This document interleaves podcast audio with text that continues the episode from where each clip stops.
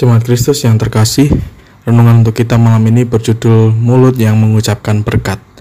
Dan bacaan kita diambil dari 1 Petrus pasal 3 ayat 8 sampai 12. Demikianlah firman Tuhan. Dan akhirnya hendaklah kamu seia sekata, seperasaan mengasihi saudara-saudara, penyayang dan rendah hati. Dan janganlah membalas kejahatan dengan kejahatan atau caci maki dengan caci maki.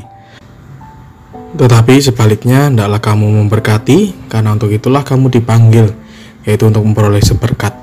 Sebab, siapa yang mau mencintai hidup dan mau melihat hari-hari baik, ia harus menjaga lidahnya terhadap yang jahat dan bibirnya terhadap ucapan-ucapan yang menipu.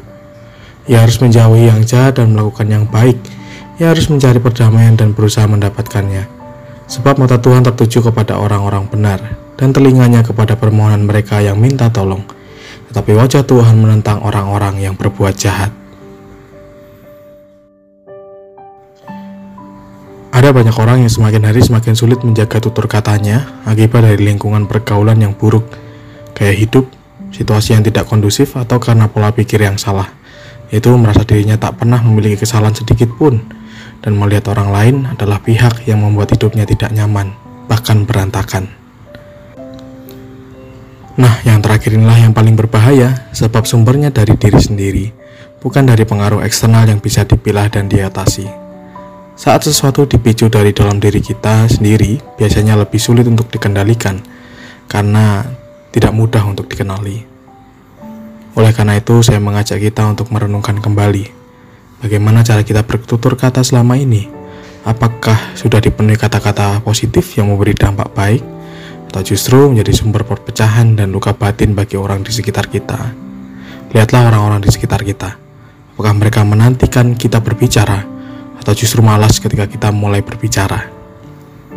Mari belajar dari apa yang dikatakan oleh Rasul Petrus.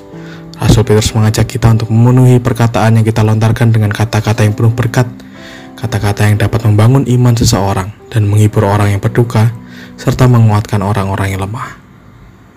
Selamat menjadi berkat melalui perkataan kita.